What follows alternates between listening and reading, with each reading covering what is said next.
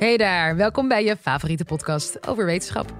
Ik ben Sophie en fijn dat je weer luistert. Kijk, hier bij de Universiteit van Nederland denken we wel het een en ander van wetenschap te weten. Maar wat is wetenschap eigenlijk? Wat de oude Grieken zoals Aristoteles als wetenschap zagen, lijkt in de verste verte niet op hoe wij het nu zien. In deze podcast vertelt filosoof Herman de Recht van Universiteit Tilburg er alles over.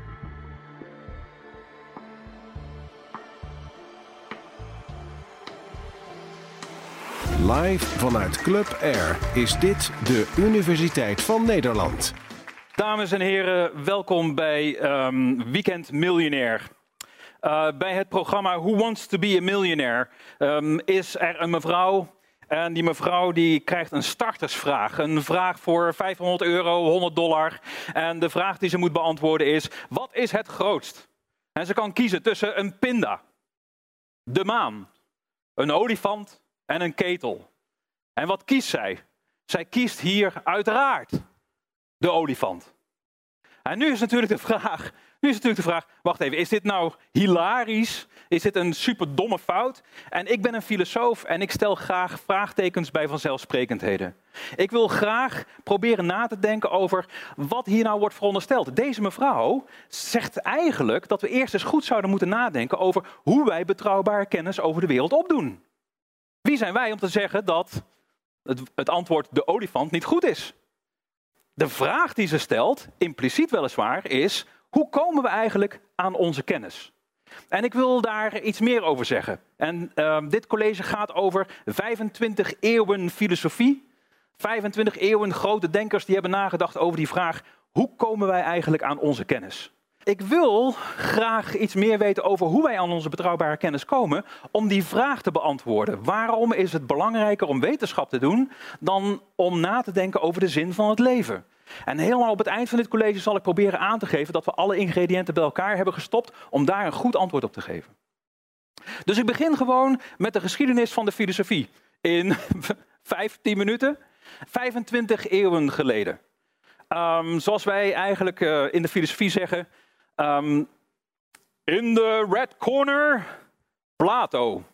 Plato die zegt, wil je weten hoe je aan betrouwbare kennis komt over de wereld? Doe je ogen dicht en denk goed na. Dat is wat Plato zegt. In de blue corner, Aristoteles. Aristoteles zegt, wacht even. Voordat je iets zegt over hoe de wereld in elkaar steekt, misschien moet je juist je ogen open doen. Maar Aristoteles had ook rare ideeën. We zijn niet allemaal meer Aristoteliaan. Ik wil even kort zeggen waarom we geen Aristoteliaan meer zijn. Waarom Aristoteles ook rare ideeën had. Aristoteles is namelijk iemand die zegt: luister, als ik een steen vast heb en ik ben geïnteresseerd in het natuurlijk gedrag van de steen, dan, dan, dan moet ik de steen loslaten. Want ik voel dat de steen aan het streven is naar zijn natuurlijke plaats op de wereld. De natuurlijke plaats van steen volgens Aristoteles is in het midden van de wereld. En ik voel hem nu ook streven. Ik voel hem streven. En als ik mijn hand weghaal, dan zie je dat de steen inderdaad streeft naar het midden van de aarde. Dat is de natuurlijke plek van steen. Wij zeggen natuurlijk, uh, wacht even, uh, dat is niet het streven van, een, van de steen naar de, naar de natuurlijke plaats. Dit is het streven, dit is gewoon de manier waarop zwaartekracht werkt of de manier waarop de tijdruimte is gekromd. Aristoteles had dus een raar beeld nog, in onze ogen althans, van hoe de kosmos in elkaar steekt. En hoewel uh, Aristoteles het juist had met zijn idee dat we eerst moeten observeren voordat we iets zeggen over hoe de wereld in elkaar steekt, had hij ook rare ideeën. En dit is een van de rare ideeën die hij had. Um, misschien voor die tijd niet raar, maar voor ons wel. En Aristoteles die zegt, luister, um, het universum zit zo in elkaar dat de aarde in het midden van het universum is en alles, alle planeten, de zon, de sterren draaien daaromheen. De zon draait om de aarde en binnen de aarde heeft alles een natuurlijke plek. Als je wil weten hoe de wereld in elkaar zit, dan moet je de natuurlijke bewegingen proberen te kennen. Overigens is het uh, helemaal niet zo raar dat Aristoteles dacht dat de zon om de aarde draait. Eén uh, op de vier Amerikanen denkt dat nog steeds. Nou, moeten we niet hard lachen, want één op de drie Europeanen denkt het ook nog steeds. En daar zijn we trouwens ex-equo met de Russen, die ook één op de drie Russen denkt ook dat de, aarde, dat de zon om de aarde draait in plaats van andersom. Dan laten we teruggaan naar Aristoteles. Aristoteles zegt dus wel observeren, niet experimenteren. Aristoteles is alleen geïnteresseerd in natuurlijke bewegingen. En naarmate wij nadenken over hoe de wetenschap in elkaar steekt, komen we steeds dichter bij een juiste karakterisering van wat wetenschap is. Als we een hele grote stap maken van Aristoteles helemaal naar de wetenschappelijke revolutie en het werk van Francis Bacon. Niet omdat hij nou een grote, een grote um, wetenschapper was, maar omdat hij heel mooi heeft opgeschreven wat wetenschap eigenlijk zou moeten zijn. Francis Bacon schrijft in 1620 een belangrijk werk waarin hij mooi beschrijft hoe wetenschap in elkaar steekt. Hij zegt, luister, observeren zoals Aristoteles zei, ja. Maar niet experimenteren, natuurlijk wel. We moeten eerst zoveel mogelijk empirische data verzamelen. Eerst zoveel mogelijk empirische data verzamelen betekent dat je inderdaad goed moet observeren, maar dat je ook de data zelf moet genereren, moet creëren. Dat is experimenteren. Zoveel mogelijk experimenten doen. En naarmate je meer experimenten doet, krijg je alleen maar meer empirische data. En dan voorzichtig algemene conclusies trekken uit die empirische data. Volgens Francis Bacon is het dus zo dat wetenschap bestaat uit observeren, experimenteren, voorzichtig concluderen. Zijn we allemaal nog bekend met de serie Star Trek? Waar uh, Captain James T. Kirk uh, van de Starship Enterprise um, allerlei avonturen be uh, beleeft. En, en het begint altijd met To boldly go where no man has gone before. Francis Bacon zegt precies hetzelfde. Maar dan in de 17e eeuw. Francis Bacon zegt, kijk, hier heb ik het schip van de wetenschap. En wat ik vraag, zegt, zegt Francis Bacon, is to boldly go where no man has gone before. Francis Bacon zegt, observeren, experimenteren, voorzichtig conclusies trekken. Nou, het is met Francis Bacon niet helemaal goed afgelopen. Um, hij was een soort van amateurwetenschapper. En hij uh, was aan het experimenteren um, met, um, met, met, met vlees, met kip. Uh, hoe lang blijft kip eigenlijk goed? En en kun je kip misschien langer goed houden wanneer je het invriest? En hij was dus in de vrieskou bezig met een experiment met kip. En uh, voor zover we nu weten, heeft hem dat uh, de kop gekost. Heeft hij een longontsteking opgelopen bij die experimenten in de vrieskou en heeft hij het loodje gelegd. Misschien is hij ook wel overleden aan bedorven kip, dat weet ik niet. Um, we gaan gewoon vooruit.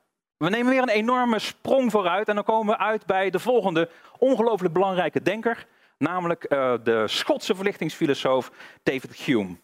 En de Schotse uh, verlichtingsfilosoof David Hume leefde in de 18e eeuw. En Hume zei, Aristoteles, ja, zoveel mogelijk observeren. Uh, Francis Bacon, ja, experimenteren en voorzichtig conclusies trekken. Maar als we observeren, zei deze filosoof uit Edinburgh, als we observeren, wat zien we dan eigenlijk? Nou, um, daarvoor heeft, heeft David Hume gebruik gemaakt van, een, um, van het biljart. In zijn tijd pool. Ik kom uit Brabant, dus ik, ik hou het even bij gewoon biljart. Maar hij heeft het wel over biljartballen. David Hume zegt, laten we nou eens bij een biljarttafel gaan staan. En laten we nou eens de witte bal, de witte bal uh, rollen naar de rode bal. Dan raakt hij de rode bal. En de rode bal vertrekt weer. Nog een keer. Het lijkt te gek voor woorden dat ik je twee keer moet doen, maar ik, ik, het is zo belangrijk in de geschiedenis van ons denken. Kijk, karambol. David Hume zegt, wat zien we hier nu eigenlijk gebeuren? Wat zien we eigenlijk gebeuren op het biljart? Wat we zien is, de witte bal gaat naar de rode bal, er is een botsing. Er is nabijheid. Dan uh, vertrekt de rode bal verder. Het een gebeurt na het ander. En ik heb het een aantal keer gedaan en je kunt het steeds weer doen. Er is een constant samengaan van verschillende gebeurtenissen. Als dat zo is, dan uh, hoe concluderen we nu eigenlijk dat hier een soort van natuurwetten bezig, uh, bezig zijn, aan de gang zijn, geïllustreerd worden? Ja, dat is eigenlijk niet wat we zien. Als we observeren, dan zien we niet de oorzakelijke relaties. Die denken we erbij. Ik denk dat het verleden zal zijn zoals de toekomst. Dus ik denk dat als ik het nou nog een keer ga doen, dat het dan weer lukt. Ik denk dat jullie dat ook denken. Maar wat hebben we gezien? Nou, economen kunnen erover, uh, erover meepraten. Um, prestaties geleverd in het verleden zijn geen garantie voor wat er in de toekomst gaat gebeuren. En David Hume is heel principieel en die zegt: luister, we weten dus niet wat er gaat gebeuren.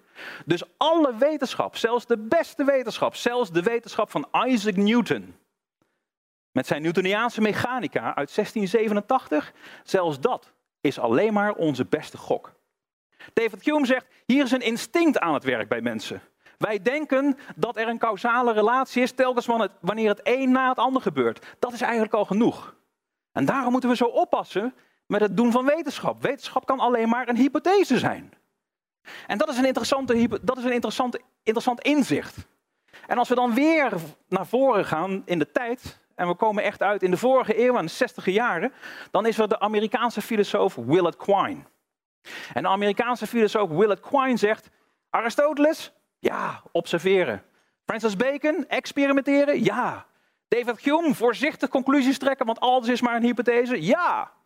En Quine zegt, het enige wat we kunnen doen is al die kennis die we al denken te hebben, proberen toe te passen om te zien hoe mensen tot hun overtuigingen komen. Mensen zijn als het ware een, een spin in een web en wij weven onze overtuigingen. En dat web van overtuigingen, dat gooien we over de wereld heen. Of daarin proberen we ons voedsel te vangen. Willard Quine is iemand die zegt, laten we Charles Darwin serieus nemen. Laten we serieus nemen dat mensen natuurlijk geëvolueerde wezens zijn. Wat zegt dat over hoe wij denken over de wereld en wat onze wetenschap kan bereiken? En Willard Quine is iemand die zegt: het kan niet anders dan dat de wetenschap zelf en alle overtuigingen die wij baseren op de wetenschap een soort van overlevingsinstrument zijn om ons te helpen doorheen de wereld. De wereld die altijd gevaarlijk is en risicovol is. Wij veranderen ons web van overtuigingen in het licht van ervaringen die wij uh, meemaken en die niet kloppen met de rest van wat wij denken. Als dat gebeurt, dan zijn we bereid om ons web van overtuigingen bij te stellen, te veranderen. Mensen zitten zo in elkaar dat ze heel conservatief zijn. Hun overtuigingen zijn ze niet van plan om heel veel aan te veranderen. Uh, als er al iets veranderd wordt, nou dan, dan zo economisch mogelijk, zo zuinig mogelijk. Of, uh, of als je dan al iets gaat veranderen, liefst iets aan de rand van het web. Iets waar we, wat we makkelijk kunnen opgeven. Maar wat het zegt over wetenschap, zeggen zowel uh, Quine als ik. Wat het zegt over wetenschap is dat wetenschap onze beste gok is. Wetenschap is onze beste gok. En we moeten ook niet vergeten dat het onze beste gok is. Maar wetenschap is daarmee wel de bron van onze betrouw, de, de enige bron die we hebben voor betrouwbare kennis. En dat brengt mij terug naar de vraag waar we mee zijn begonnen. Waarom is het belangrijk om wetenschap te doen? Belangrijker om wetenschap te doen dan na te denken over de zin van het leven. Nou, dat heeft precies hiermee te maken. Als iemand mij vertelt, en ik ben notabene een filosoof, maar als iemand mij vertelt, de zin van het leven is liefde. Als iemand mij vertelt, de zin van het leven is gelukkig worden. Of rijk worden, of juist arm worden. De zin van het leven is uh, je, je, je naaste dienen. Of misschien wel God dienen. Dan is de eerste vraag die een filosoof stelt, omdat we 25 eeuwen lang hebben geleerd, is de eerste vraag die een filosoof stelt, hoe weet je dat? Hoe weet je dat de zin van het leven liefde is? Hoe weet je dat de zin van het leven rijk worden is, gelukkig worden is, arm worden is of je naaste dienen? En met die vraag zijn we meteen weer terug bij de vraag waar we mee begonnen. En waarmee die mevrouw in die quiz ons eigenlijk op het spoor zet. Namelijk de vraag, hoe komen we eigenlijk aan onze kennis? Wetenschap is onze enige bron van betrouwbare kennis. Dat is de grootste ontdekking van de filosofie. En dat is een ontdekking die we serieus moeten nemen. Ik hoop dat je hebt genoten van de aflevering. En, super fijn, er staan er nog veel meer in onze playlist. Bijna 300. Voor ieder wat wils en er komen er elke week twee bij. De volgende aflevering gaat over het gebruik van MDMA in de therapiekamer. Tot dan!